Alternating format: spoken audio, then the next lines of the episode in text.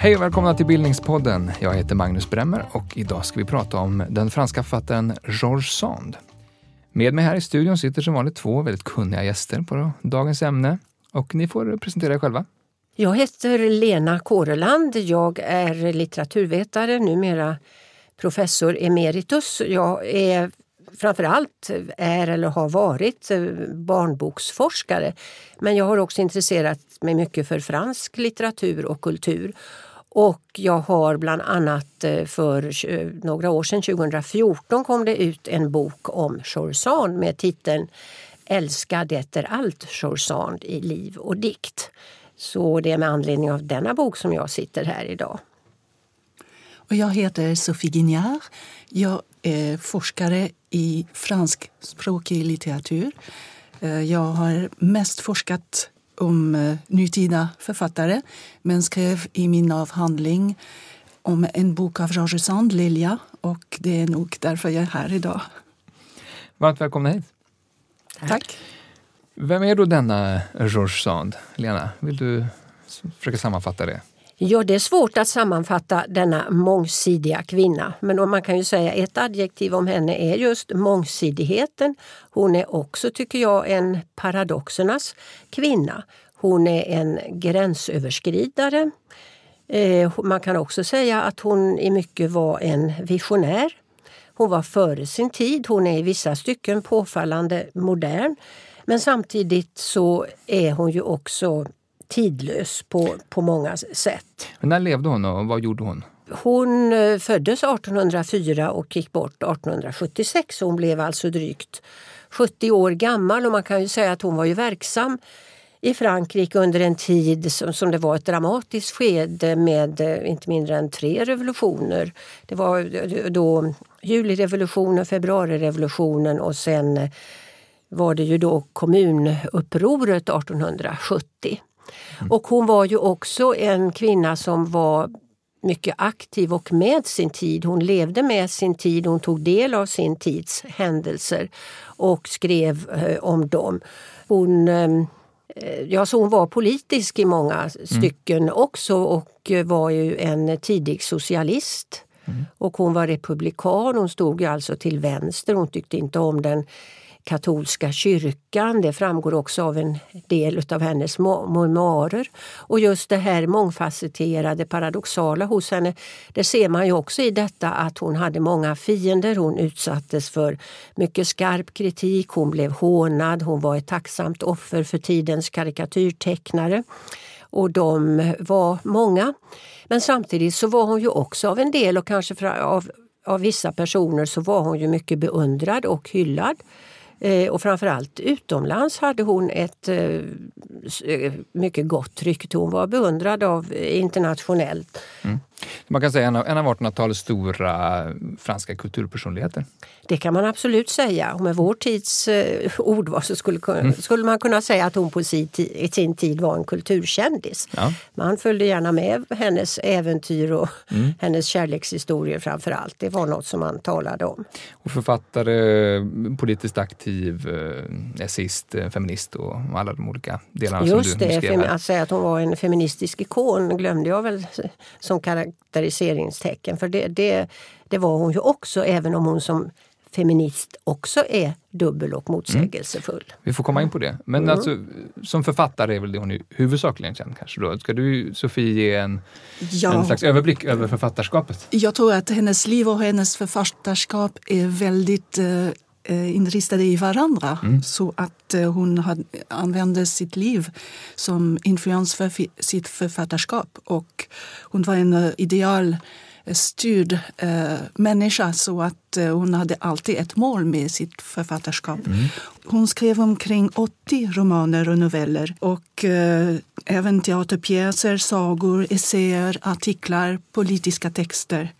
Hennes första publicerade roman under namnet Georgeson, som är ett pseudonym, är Indiana som hon skrev 1832. Mm. Eh, bland hennes kända verk kan man nämna Mauprat Eh, Cosima som är en dramapjäs. Eh, Consuelo som är ett stort verk. Eh, La Mare au Diable, La Petite Fadette som räknas bland hennes lantliga eh, romaner. Histoire de ma vie som är en autobiografisk verk. Eh, Conte d'une grand-mère som är sagor. Hon skrev eh, också eh, alltså, eh, fantastiska noveller och romaner och även teoretisk eh, essä om, om fantastisk litteratur. Så, Bara om, apropå dessa eh, romantitlar som är på franska. Hon är inte så översatt till svenska i så hög grad. Nej, det är hon ju tyvärr inte. Man, när jag sysslade med henne och skrev min bok så märkte jag ju det att det fanns ett väldigt litet intresse för henne i eh, nutida Sverige och eh, man har ju översatt väldigt lite men går man tillbaka till eh, 1800-talet då när hon var verksam själv så märker man ju att då skrevs det en del om henne i svenska tidningar och tidskrifter. Då var hon en referens och man översatte då hennes böcker ganska, de kunde komma ut ett år efter de kom ut i Frankrike men ofta var det förkortade översättningar kanske och eh, de är ju inte läsvärda idag. Ofta var ju översättarna också anonyma så man vet inte vem som har gjort det. Men man kan ju se då hur både Ellen Key och Selma Lagerlöf läste George Sand och Fredrika Bremer läste på henne. Mm. Nej, de läste det säkert på franska. För de var ju språkkunniga. Mm. Men, men sen så under 1900-talet så har hon ju inte varit så mycket i ropet i Sverige. Och intresset för henne har ju också gått lite upp och ner i Frankrike. Efter sin död så föll hon ganska snart i glömska och var inte så mycket läst. Då, till exempel naturalismen. Då Zola var ju en författare som inte tyckte att hon var något så vidare märkvärdig. Utan det var väl i och med när man firade Eh, hundraårsminnet efter hennes död och 1976 då hade ju feminismen eh, brett ut sig i Frankrike och då var det många feministiska forskare som tog sig an hennes verk och man började då forska och skriva eh, om henne. Och vad som har betytt också mycket för att forskningen om henne kom igång då i Frankrike och även utomlands det var ju att hennes brev började ges ut eh, på, under senare delen av 1900-talet. Det var då en forskare som hette Lubin som ägnade en stor del av sitt liv åt att på 1960-talet och fram till 2000 nästan att försöka samla in hennes korrespondens och eh, kommentera och ge ut dem. Och det finns ju nu i massor med delar och sen görs det ju olika separata utgåvor, till exempel hennes brevväxling med Flaubert. Och, Ja, hon kände och, väl stora delar av den franska Hon kände kulturgänget så att säga. Ja. Men om man skulle säga någonting mer eh, övergripande om författarskapet, vad utmärker det? Ja, man kan säga att hon i början av sitt författarskap skrev framför allt romantiska, passionerade historier som var inspirerade av sitt liv och av upproriska känslor mot äktenskapsvillkoren, för det är ett tema som är väldigt starkt i hennes första romaner. Och mot sociala villkor också, inte bara för kvinnor men för folket. Ehm, Så det märks i hennes verk Mauprat till exempel.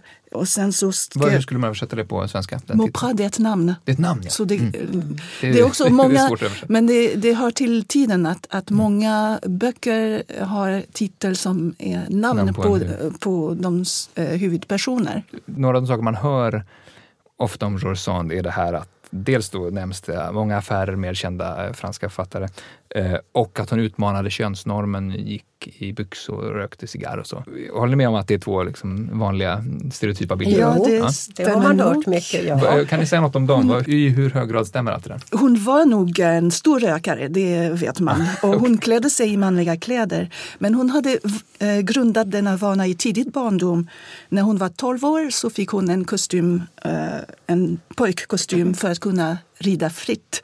Hon, var, hon var lite som en landspojke eh, som barn och, och, eh, när hon var på, på landet i Nå.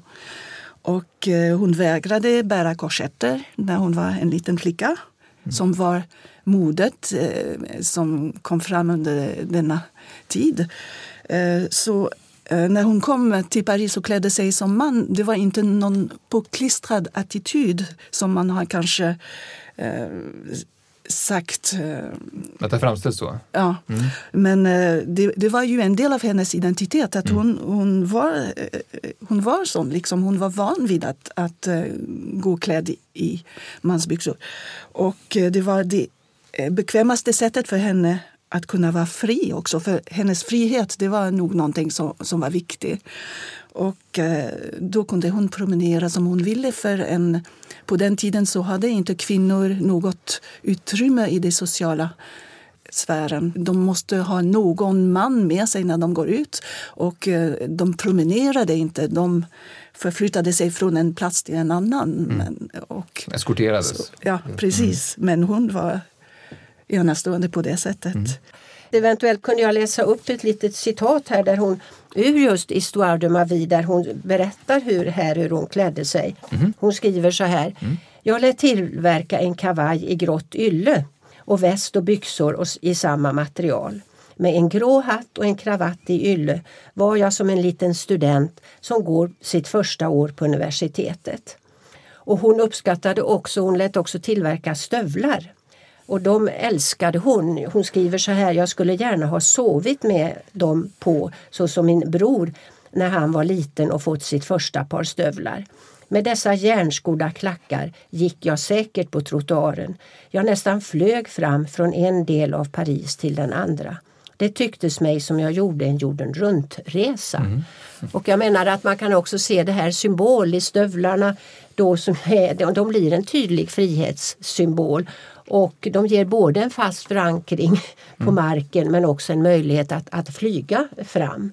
Och tack vare stövlarna så erövrar hon ju staden och hon får perspektiv på den. Eh, och man ser ju också hur hon liksom jämför sig med män, hon jä- jämför sig med sin bror, hon jämför sig med en student. Så att eh, det finns ju också ett väldigt, eh, har vi inte sagt, androgynt drag hos Chorsand. Hon, och det hör ju till det här gränsöverskridande. Hon talar här- ofta om sig själv, alltså associerar sig till en manlig sfär. Den här androgyna termen har faktiskt, eh, är lite kontroversiell. Det är många forskare som, som menar att man inte kan kalla henne för androgyn för att hon pendlade mellan det manliga och det kvinnliga. Um, själv så Vad- har jag använt eh, ordet androgyn. Men, Är det att de pendlar eh, mellan att vara väldigt kvinnlig och väldigt manlig eh, snarare än mer könsneutralt? Så, eller? Ja, det är ingen... eh, Ja, Men apropå det då, kärleksrelationerna med många kända personer. Vad ska Ja. vi göra av dem? Hur, hur Vad ska vi göra med dem? det? Jo men jag tror väl också att eh, alltså hon var ju erotiskt sett en vidlyftig kvinna så att det är ju inte något som man har hittat på utan hon hade ju väldigt många relationer. Men även med kvinnor va? Ja, hon var ju gränsöverskridande Mm. i, i det fallet också. Att hon, hon hade väl bland annat en relation med en känd eh, skådespelerska på 1830-talet. Marie Dorval. Ja, just det. Eh, Och, ehm, och det är ju märkligt också hur det är just ehm, då, vad ska vi säga, kända män som hon allierar sig med och de eh, då Musée först och sen eh, Chopin. Eh, Två kompositörer. Eller? Mus- Ja, Musée är ju inte- författare. Musée är författare. Mm, ja. Nej men han var ju en, en känd person och, det Mm. är ju, och det är ju kanske inte så konstigt heller. Eh, Men sen fanns det ju väldigt många andra däremellan och det framgår ju av hennes korrespondens och av vittnesbörd och, och så. Mm. Eh, och man kan ju fråga sig då varför hon eh, hade den ena relationen efter den andra om det var ett ett slags eh, sökande som aldrig blev tillfredsställt. Ja. Man kan ju också se ett mönster i de här relationerna att det ofta är yngre män som hon har en relation med och att det ofta finns ett mor-barn. Mönster i dem. Hon intar modersrollen. Hon skriver om Chopin, hon har älskat honom som ett barn och han har Mm. älskat henne som ett eh, mor. Hon var ju som en slags eh, sköterska för honom. Han var ju bräcklig och sjuk och Jag var inte gärna sjuka män just. Flera har varit, åtminstone både Musée och Chopin blev väl sjuka på resor. Och Ja. Alexandre Monceau som hon slutade livet med och han hade också tuberkulos. Så att, eh, men, För ett av de kända är väl vistelsen på Mallorca, som många kanske känner till, Mm. huset, eller gamla klostret i Valdemosa på Mallorca. Mm. Eh, där eh, Chopin och Sand levde en vinter. ja. Just det, det har hon ju skrivit en bok om. Just det. En vinter på Mallorca och det är en av de få böcker som finns översatta till svenska. Mm. Den kom ju i någon slags ny, eh, eller ny utgåva för några år sedan så den är ju faktiskt lätt att få tag på mm. om någon vill läsa något av henne. Mm. Och det är ju en intressant skildring och Mallorca-vistelsen var ju inte särskilt lyckad. Det var ju ett lidande nästan från början till slut. Chopin, ja, nej men Chopin han bara hostade och hostade och han blev sämre och sämre. Och hon fick ju ansvar för allting. Hon hade sina båda barn med sig och de skulle få lite undervisning så hon gav ju dem lektioner och, och sen skulle hon ju handla och laga mat och eh, ortsbefolkningen tyckte att det här var ett jättemärkligt sällskap. Denna eh, ständigt hostande man och, och sen denna kvinna som ständigt rökte den ena cigarren eller cigaretten mm. efter den andra. Och så de här barnen där flickan då har vi det igen, sprang omkring i långbyxor. Man mm. tyckte det var fasansfullt vad mm. detta var för konstiga människor och sen gick de aldrig i mässan. Mm. Så att bybefolkningen enligt vad hon berättar i sin bok, de gaddade ju sig samman och mot de här personerna och, och ville knappast hjälpa dem alls eller sålde ägg och smör och, och mm. grönsaker till skyhöga priser. Så det blev ju väldigt kostsamt och jobbigt. Och hon skriver, och sen så regnade det också, var väl kanske inte så bra väder. Mm. Och hon skriver att eh, hade hon stannat en månad till så hade, så hade hon dött av ilska och indignation. och, så att det, hon tyckte ju så illa om Mallorcaborna. Hon mm. såg ju på dem som en, hon beskriver ju dem väldigt negativt med ett ska vi säga, kolonialistiskt perspektiv då mm. från Frankrike som såg på Spanien som någon slags uland och hon beskriver dem som apor och obildade mm. och vidskepliga och så. Mm. Vi, vi, kanske ska ta, ta det från början, hennes liksom, biografi. Ja. Var, var, var kommer hon ifrån? Hon föddes 1804 eh, och heter Aurore Dupin. Eh, hon... Och Aurore, det var liksom hennes tilltalsnamn kan man säga? Aurore, det var hennes förnamn. Mm. Och eh, det var namnet på alla kvinnor i familjen. För hon, från hennes fars sida kom hon från en aristokratisk familj. Mm. Och på andra sidan så var det, mamman var, kom från folket. Hennes far var en fågelhandlare. Och hon hon heter Sophie Victoire mm. Eh, de la Borde. Hon eh, hade inget bra rykte. Hon hade inget yrke själv. Hon eh, var dansös, men hon, hade, hon visade sig i sällskap av eh, officerare. Hon hade haft en relation med en gammal officer och hade till och med ett barn sen tidigare. När Maurice Dupin, som är hennes far, eh, han hade träffat henne då eh, i såna omständigheter. Mm. Och de hade gift sig i smyg för, för att mamman var inte alls accepterad av Maurice mamma. Mm. Och relation till, till modern är något som nämns ibland? Ja, den nämns väl mm. ganska mycket. Mm. Eller relativt mycket. Hon hade ju Ja det växlade ju. Hon växte upp tillsammans med sin mamma när hon föddes. Då bodde hon ju de allra första åren av sitt liv i en liten vindsvåning i Paris och då lär mamman ha varit väldigt så här som småbarnsmamma. Eh, väldigt nära. Hon berättade och sjöng mycket för henne och så hade hon ju den här halvsystern också som heter Caroline som fanns eh, där. Men sen så händer det ju mycket dramatiska sagor. Hennes liv är ju verkligen som en mm. roman det också. Mm. Mamman var ju mycket förtjust i denna sin man Maurice och han var ju då officer, militär och var ute i Napoleons krig, befann sig i Spanien. Mm. Då bestämmer mamman att hon ska åka med lilla Aurore till Spanien, till Madrid och hälsa på sin man. Och det är ju en väldigt vågad och ansträngande resa och till saken hör att hon också då var gravid med sitt andra barn med Maurice och sitt tredje eh, barn. Så att det, eh, hon var ju fyra år då lilla Aurore. Mm. De kommer till Spanien, träffar eh, mannen och, och så sen så så föds den här sonen, eh, det blev en son då, han föds i Spanien. Han var blind? Ja, han var mm. ju sjuk och svag. Mm. Men då åker man hem, hela familjen, mm. och kommer då till Noir och till denna farmor som ju inte var så förtjust i sin svärdotter. Och sen så händer ju olycka på olycka. Den här lilla sonen dör och han blir begravd i trädgården där i, i Noir. Sen så omkommer fadern bara några dagar senare i en ridolycka. Han, Då han ska rida in en, en bångstyrig häst och faller av hästen så illa att han avlider. Och där har vi ju då en väldigt dramatisk situation. Då finns i detta hus en farmor som har förlorat sin son, en ung maka som har förlorat sin man och en liten flicka som har förlorat sin pappa och också sin bror. Ja, och, det här, ja. Och alla har lite svårt för varandra.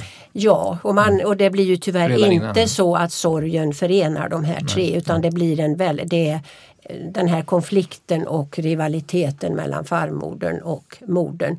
Det är ju någonting som präglar Chorzan ganska mycket för hon lider ju av det. Hon blir ju en lekboll mellan de här. För Hur gammal är hon då? ja, hon är Fyra. fyra. Fy, ja, hon när är pappan fyra går bort. Ja. Mm. Mm. Det här, ska vi Hon säga, har upplevt att eh, hon blev såld av sin mamma. Och, eh, eh, till farmodern då? Ja, för att eh, farmor ville bli av med mamman så hon betalade för att få uppfostra eh, George Sand Aurore då, eh, hemma hos sig i Nohant. Och eh, mamman återvände till Paris och hade, eh, fick lite pengar, en pension för att eh, klara sig. Så att, och Besökte hon mamma någonting? Ja, men ibland gjorde hon ju det för att Mm. farmodern hade ju någon slags eh, pied-à-terre i Paris så att de var ju Ja. ibland i. Paris. Men- Då fick hon ju hälsa på sin mamma men det var ju inte så, så lyckat och någon gång kom väl också Mm. modern och hälsa på i Noir. Men den här farmodern hon var ju det är väl också lite dubbelt med henne för att eh, hon verkar ju på många sätt rätt radikal, ett barn av upplysningen och så men hon var ju också bördstolt för att hon ville absolut inte att eh, Aurore eller skulle få träffa den här halvsystern och halvsystern fick absolut inte komma hem då till farmoderns eh, lägenhet där hon ju bodde då med Aurore. Och detta skriver ju eh, Chorzand om i eh, Histoire de ma vie. Hon kan inte förstå då farmors inställning i de här frågorna. Samtidigt var hon ju också fäst vid sin farmor och eh, lärde sig väl uppskatta henne mer och mer. Men i början så kände hon sig just såld av sig att mamman svek henne väldigt och lämnade henne. Det låter som erfarenheter som kan ha följt med. Säkert, jo det är väl uppenbarligen Men ska vi säga så. någonting om eh, Noan, alltså både platsen och det här huset som hon ju senare ärver av farmodern och eh, bor i många år själv. Ja, det är ett stort hus i landskapet Berry. När hon var barn så brukade eh, hon bo där på sommaren och i Paris med sin farmor på vintern. Och då är Nohant jätteviktig för henne för hon älskar ju naturen, djur och växtlivet. Men hon har också många vänner där och hon har fått en känsla för friheten som hon fick där också. Hur viktigt, liksom, la- landsbygden är väl ett viktigt liksom, spelplats och motiv i hennes litteratur? Jo, det är den ju framförallt då i hennes så kallade eh, landsbygdsskildringar. Vi nämnde några tidigare eh, här, eh, Nämn igen. då. eh, La Petite Fadette och Hur ska man översätta det?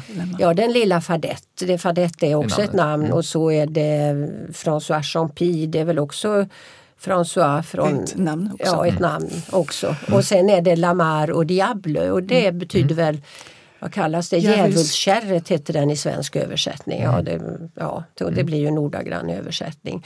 Och där, de utspelar sig ju den här trakten. Hon var ju en tidig etnograf kan man nästan säga.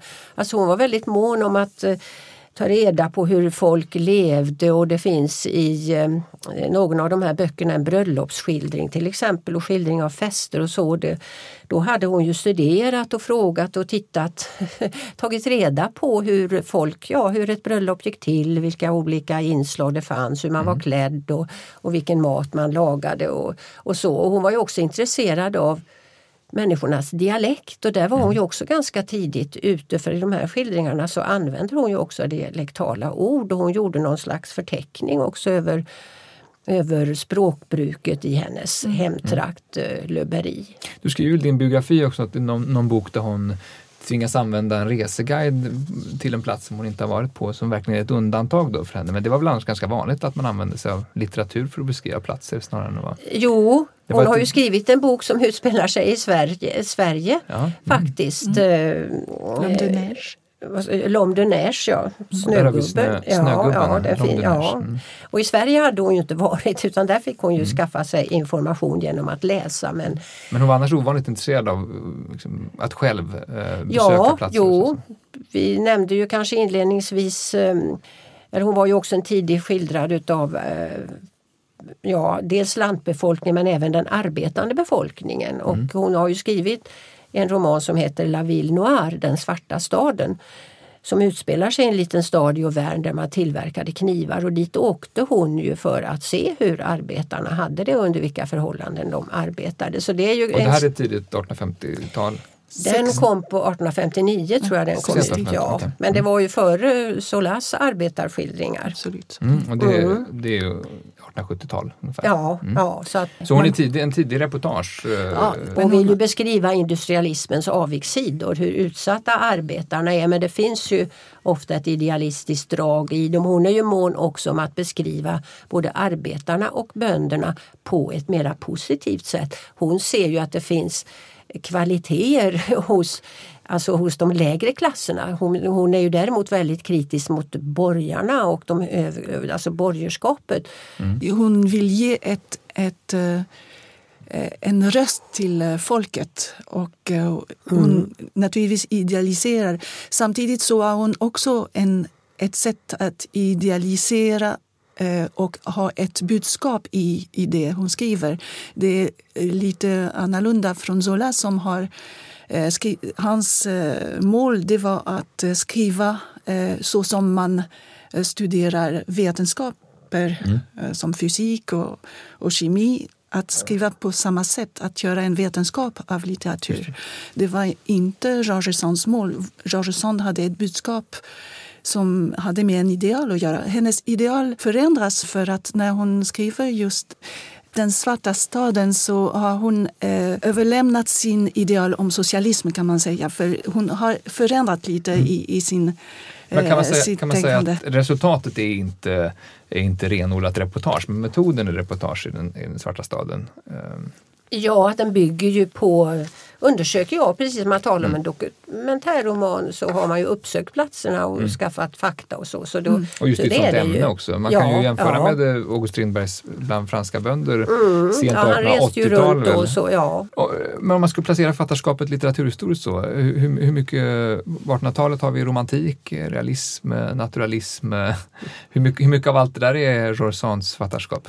Jag skulle säga romantik i första hand. För även om hon har inslag av eh, reportage eh, och realism så är det alltid någon ideal som styr i hennes eh, författarskap tycker jag. Jo, men jag håller väl med om det. Hon uttalar sig också själv om det att hon vill ju liksom hon vill ju för ut, ge ett budskap, hon vill ju lära någonting. Alltså, hon vill ju att hennes böcker också ska komma ut, att de ska läsas av många. Hon är ju verkligen ingen lär pour lär förespråkare, konst för konstens egen skull. Eh, och man kan väl i viss mån säga att hon är en slags eh, idealrealist då för att det kan Det är en slags blandform mellan Ja, idyllrealism va? Idyll, Det lite mer idyllisk kanske. realism. Ja, ja, så kanske man kan. eh, Vad är annars det romantiska då menar du? Ja, storslagna öden och, och eh, strävan efter att göra världen bättre. Att det kanske grundar i hennes eh, personlig eh, bakgrund eh, som barn. Att hon hade dels kom från två olika sociala miljöer med den aristokratiska och den folkliga. Och att hon verkar alltid ha velat eh, hitta en försoning men inte riktigt har kunnat hitta den eh, i sitt liv. Om vi, om vi eh, lämnar litteraturen en stund för att få fortsätta den här biografiska linjen. Eh, uppväxten i Noan, hon gifte sig sedan med Casimir Dudevant eh, som 18-åring. Ja, var väl 18 år då. 17, ja. Hur var det äktenskapet helt kort och eh, sen eh, bröt hon ju upp ganska dramatiskt, Jaha. inte bara från mannen utan från liksom sitt gamla liv på något sätt. Säg någonting om det där ja, det var väl inget lyckligt äktenskap. Man kan ju se viss brevväxling då som fästmö och de första eh, första tiden så finns det ju vissa brev där hon skriver förälskad till sin man och så. Men eh, hon har skrivit någon gång att jag hade olyckan att bli då förenad med en man med vilken jag inte delade något intresse. Mm. De var väl väldigt olika. Han var intresserad av jakt och han drack ganska mycket och han hade affärer med eh, tjänstefolket och hon försökte läsa högt för honom och han somnade. Mm. hon försökte spela piano för honom och det var han inte heller intresserad av. Så att eh, de stod ju inte nära mm. varandra och sen lyckades hon ju, det var ju driftigt av henne, komma eh, överens då. De gjorde något slags avtal att eh, de skulle dela upp barnen mellan sig lite grann. Han, mm. De skulle ibland vara i Noa och ibland i Paris och hon skulle då få vara i Paris mm. vissa tider av året. Så hon blev ju långt före det ordet kom i bruk en slags långpendlare. Mm. mm. Hon har kallat dem där att hon var någon slags romantisk rebell under några år, bodde mm. i Paris. Mm. Beskriv den där tiden, det måste ju vara ett väldigt... Eh... Ja, hon har ju då en ung man som heter Jules Sandon som, är, som hon lever tillsammans med när hon först kommer till Paris. Och de skriver ju en roman tillsammans som de mm. ger ut under, eh, den heter Rose och eh, Marie. Marie. Mm. Eh, och den ger de ut under namnet eh, Jules Sand.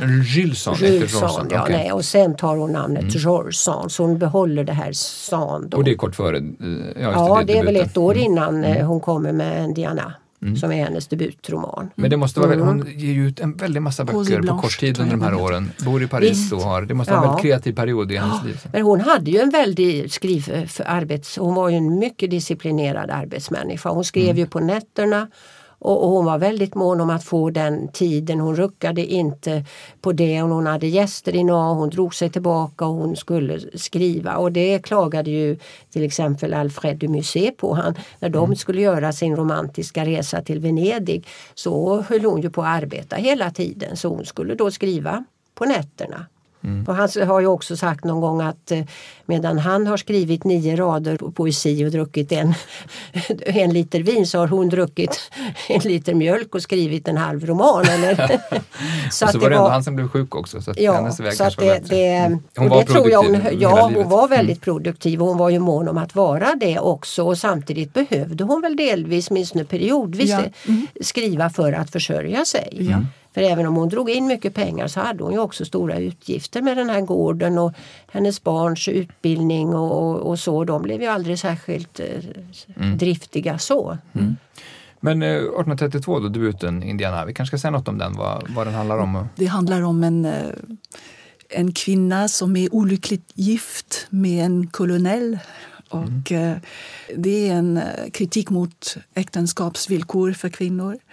Eh, det handlar också om eh, självmord faktiskt.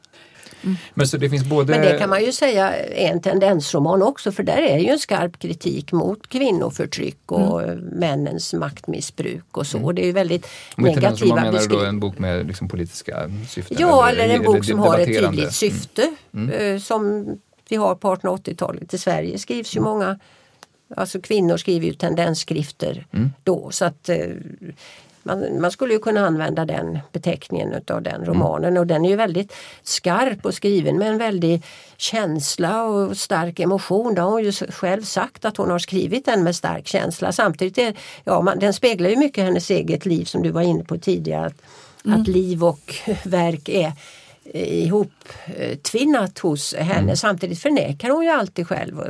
Alltså hon skriver ofta själv att det här handlar inte om mig själv och så. Mm. Men så här men, har vi både passionerad kärlek, alla romantiken och, och ideal och, och, så vidare, men också då en, en, en tydlig politisk eh, slagsida. Ja, eller en feministisk slagsida ja. då kanske man ska mm. säga, inte mm. politiskt. Hon sa aldrig själv att hon var feminist tror jag. Och, nej, hon använde inte det ordet nej, kanske. Nej, men, hon nej. tyckte att det var sociala, det sociala förtryck av kvinnor och folket som var viktiga.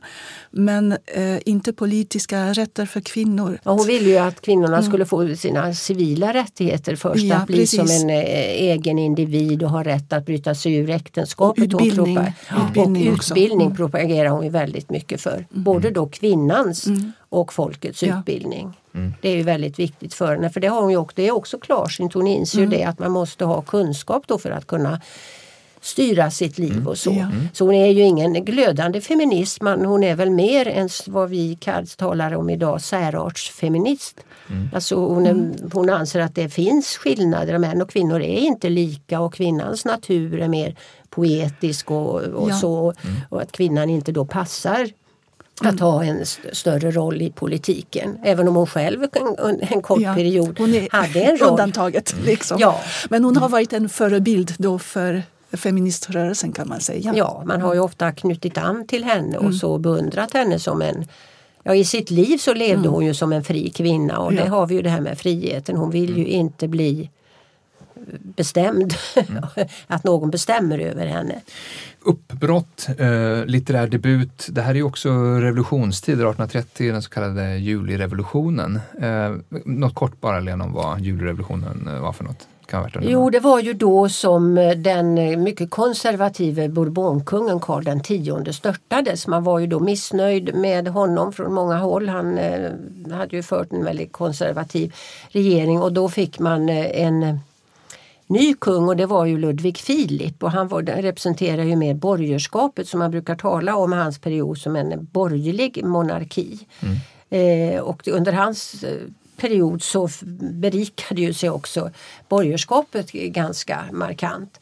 Alltså, och, eh, men Sand hörde ju till en mera, vad ska vi säga, hon stod ju lite mer till vänster och hon blev väl ganska Alltså den här julirevolutionen som bröt ut då på sommaren då var George fortfarande i Noir men hon hade ju många vänner som var hemma kanske på sommarlov då man hörde talas om, om vad som hände i Paris. Hon kände en väldig längtan efter att få komma dit och vara med om de här händelserna. Man trodde ju att det skulle bli ett ännu mera fritt och lite mera eh, mindre konservativt styre än vad det blev men det Ja. blev ju ändå en, eh, en förbättring och sen så i början på 1831 då, så kommer hon ju, börjar hon ju att periodvis bo i Paris. Och då uppsöker hon ju också sina gamla vänner från Berry-trakten som ju då av olika anledningar mm. var i Paris, studerade, läste och var författare och skribenter. Och, Men så och det, är en, det är en händelse som påverkar henne? eh, på Ja, flera man sätt. kan ju säga att det var ju mycket också, ju,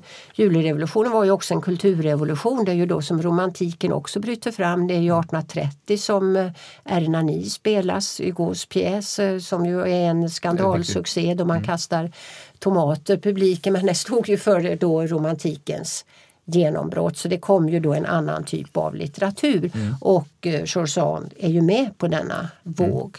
Och också att man nu börjar, att romanen kommer mer i bruk som, som en, blir en viktigare genre. Tidigare hade det varit poesin och, och så som hade dominerat. Så man kan ju säga att hon debuterar ju i en för henne lycklig period då, då romanskrivandet blir mer framträdande och det är vindar som hon är tilltalad av som börjar blåsa. En radikal politisk eh, tid kan Ja, man säga. ja. Mm.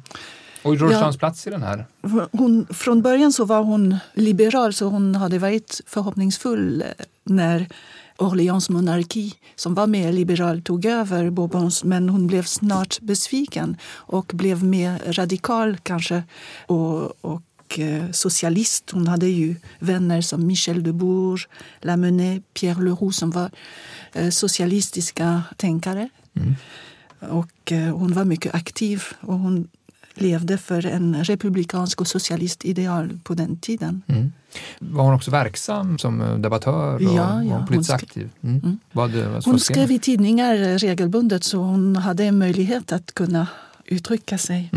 Mm. Men sen så skrev hon också romaner och det, det syns i hennes författarskap. Att, Ja, att hon använder eh, just det här, och det är kanske typiskt för romantik, att man har långa eh, repliker och där man pläderar för sin sak. Mhm. Och hon hade många eh, karaktärer i sina böcker som, som för en röst och en åsikt. Och det mycket så hon använder sin litteratur. Så det går att koppla ihop debattören Sand, den socialisten Sand med romanförfattaren. eh, Ni talar om tendensromaner och sådär, eller? eller Jo, men det kan man väl visst göra. Hon eh, använder sina figurer också för att uttrycka olika Mm. åsikter och de är ju ofta Ja, männen är ju ofta ganska negativt skildrade, framförallt i debutromanen. Undantaget är väl den här kusinen då som ju har en slags vision om ett bättre samhälle. Och jämlikhet är ju någonting som hon hela tiden drömmer om. Jämlikhet eh, fram, säger hon ofta i brev och skrifter, det är hennes stora passion. Och Mm. att, eh, men hon menar att den kommer hon aldrig få se, se förverkligad i, Mm. under sin livstid. Hon hade något, verkade på någon slags regeringsmandat under en senare revolution, februarirevolutionen 1848 som kanske är lite mer Ja, känd. då stod hon ju nära de revolutionära männen, alltså männen då som tog makten eh, då när 1848 års revolution. Och då, då Hon tog makten bildades, från de som fick makten 1830 kan man säga. Eller? ja, just det, Mm. så, så, så var det ju. Det var förhoppning om republiken för, Ja, eh, ja. 1848. Mm. Och, De unga eh, republikanerna då stod hon ju nära och de hade ju makten med en väldigt kort period Ja, så det blev det ju en väldig backlash. Det misslyckades. Ja. Och eh, där igen var faktiskt Georgesson mycket klarsynt för hon hade ju varit aktivist i, i den här rörelsen. Men hon insåg att eh, när eh, det fanns olika tendenser och riktningar eh, bland de eh, människor som, som hade tagit makten efter upproret och då eh, eh, tyvärr så blev den konservativa eh, branschen eller riktningen dominerande. Och det beror på att de kanske ställ, eh, gjorde eh, valet för tidigt. Hon ville eh, för, dröja med, med ett val. Hon var språkrör för justitieministern under denna tid och de skulle ha ett val. Eh, och tyvärr så vann de konservativa och sen så blev det upp, eh, uppror och det blev förtryckt och förföljelse. Sen så blev det Napoleon som kom. Den tredje. Mm. Så att eh, det blev ett misslyckande och eh, en besvikelse för henne också. Och hon var ju mycket besviken för det och drog sig undan politiken. Ja, hon, Eh, då. Hon blev mer Och konservativ hon eh, blev mer- hon- Ja, konservativ kan man inte säga att hon blev. Det är ju Min, fel, mindre jag. radikal. nej, hon blev eh, mer... Hennes motstånd Resignerad. mot våld Ah, okej. mm. Kanske inte resignerad, för hon var fortfarande idealist men just det våldsamma tror jag var någonting som hon avskydde och det blev Mm. tydligare och tydligare att hon inte trodde på våld och på våldsam uppror Mm. längre. Så att, Det var ju väldigt tydligt Mm. då, 1870 år. Då, då är hon ju väldigt eh, bitter över vad hon hör här om upproren Mm. i, i Paris. Då. Man kan ju vara trött på våld utan att bli konservativ faktiskt. Ja. I. Ja, Men- visst, jo. Alltså man får intrycket av att, att som var en av de absolut mest centrala figurerna i det franska kulturlivet 1830-1840-tal. Är det korrekt? Som kvinna i alla fall. Mm. Kan man Ja, säga. då hade hon ju inte många konkurrenter men det är klart det var ju många ensam. män som var Mm. aktiva. Uh, var hon lite också en salongsvärd? Som, en person som samlade många? Så, hon Hon hade- gillade inte salonger. Nej. Nej, men hon hörde ju till de här stora författarna. Hon umgicks ju med Balzac och Flaubert och, och det fanns ju såna här middagar som han åt någon gång i månaden, författarmiddagar i Paris. Där var ju hon den enda kvinnan men hon deltog i dem ibland. Det var väl på Hotell Magni man träffades, heter det inte så? Och där var ju också bröderna Goncourt med och där, där var ju hon då enda kvinnan. Just det, som eh, ett eh, känt eh, pris, va? Goncourt.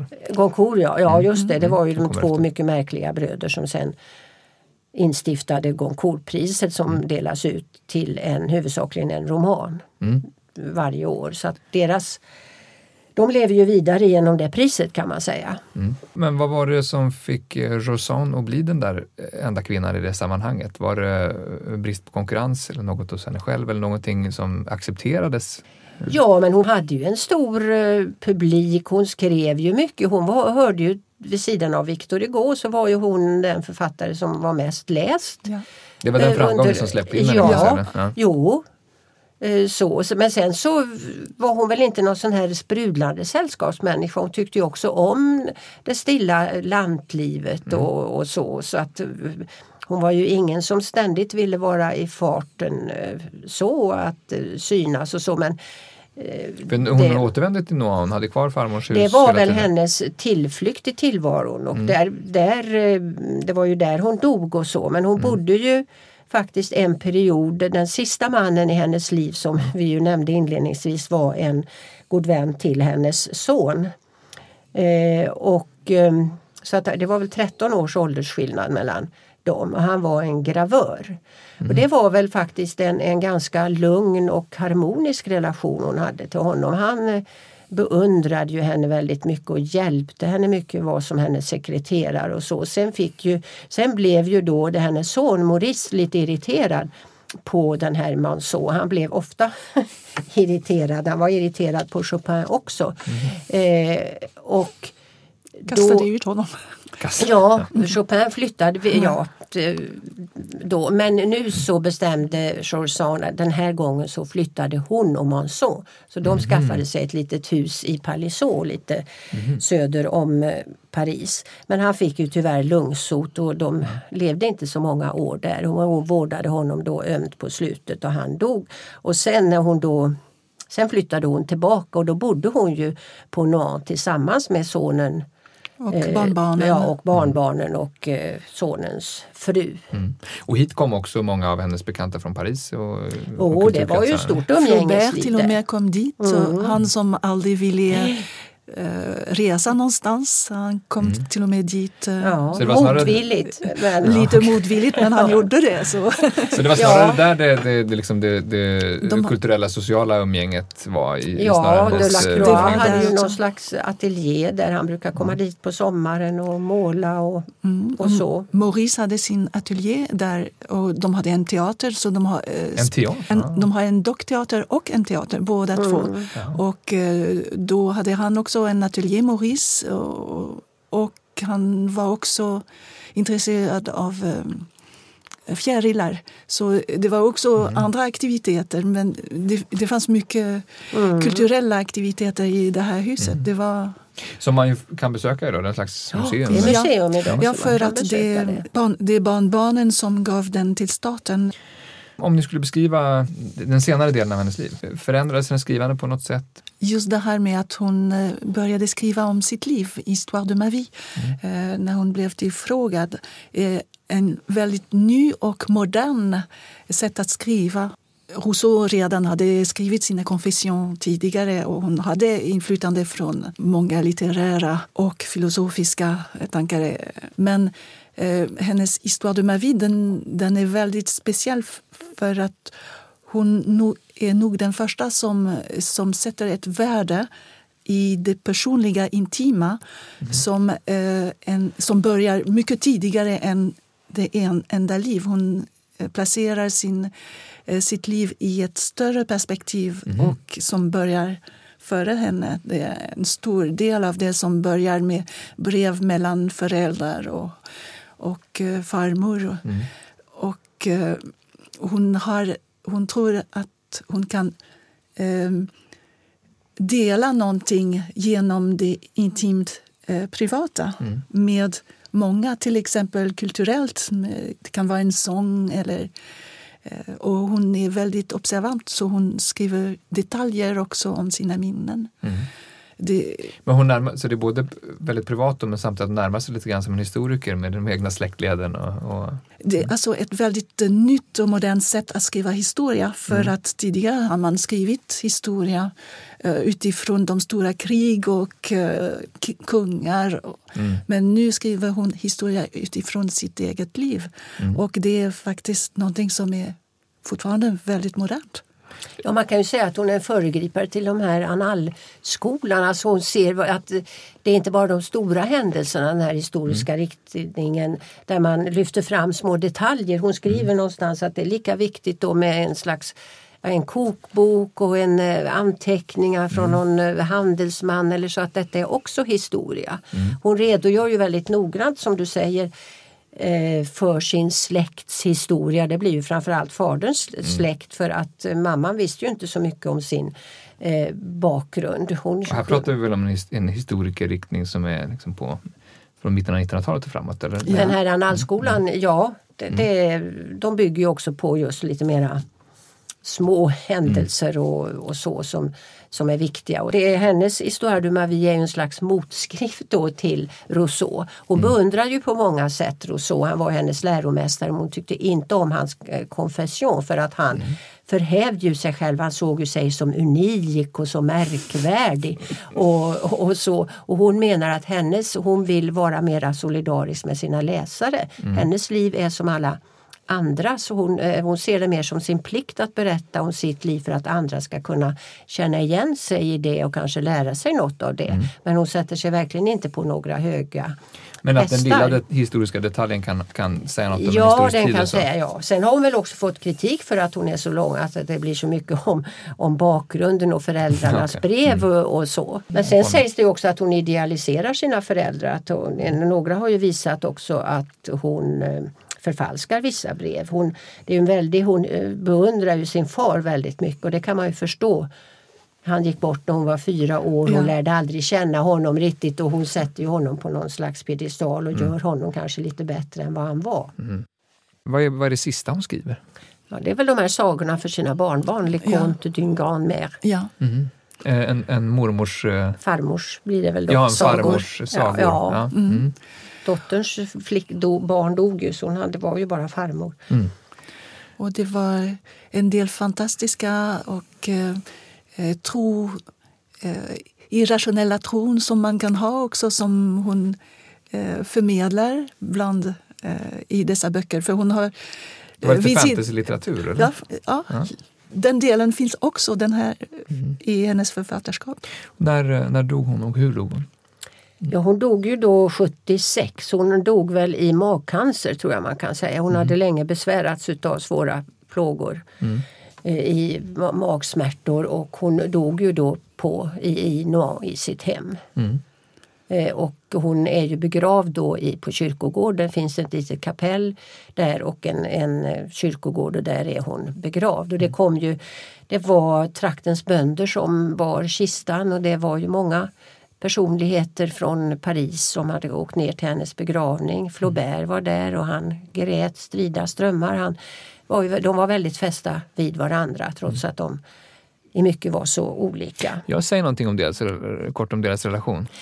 Jo, men de börjar ju brevväxla i slutet av livet och eh, det uppstod väl, det var ju inte alls någon kärleksrelation på något sätt, men de stod varandra väldigt nära. De diskuterade ju också skrivandet och så och uh, Flaubert hade ju det här mera lar pour lar och var, hade ju så svårt att det tog ju sån tid för honom att skriva, han vägde alla ord och mm. för uh, Chorsan så rann, eller raspade pennan över... De var ganska olika också som de hade, Ja, och konserv, alltså, politiskt och så. Mm han var ju inte någon vidare demokrat. Han tyckte ju folket var dumt och de kunde ju inte bestämma något. Mm. Han, nej, och han var ju också en melankoliker och, och väldigt dyster och deprimerad och så. Mm. Så, så Chorsan fick ju också pigga upp honom. För hon bevarar ju trots alla motgångar och så som hon ju ändå hade haft i sitt liv. Hon hade ju bekymmer av olika slag så behöll hon väl en livstro.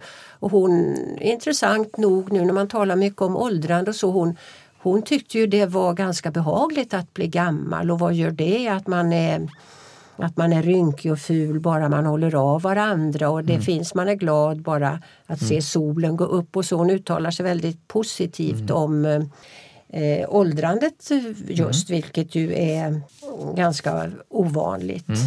Vad skulle ni säga att liksom, hur levande är mm, arvet efter eh, Rosanne Hur levande författarskapet i Frankrike idag kan vi säga?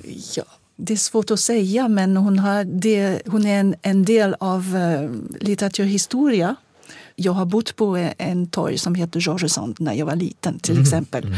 Så hon är med i landskapet. Mm. Och uh, sen så finns det väldigt levande forskningsverksamheter uh, både i Frankrike, Les Amis Georges Sand, och i USA.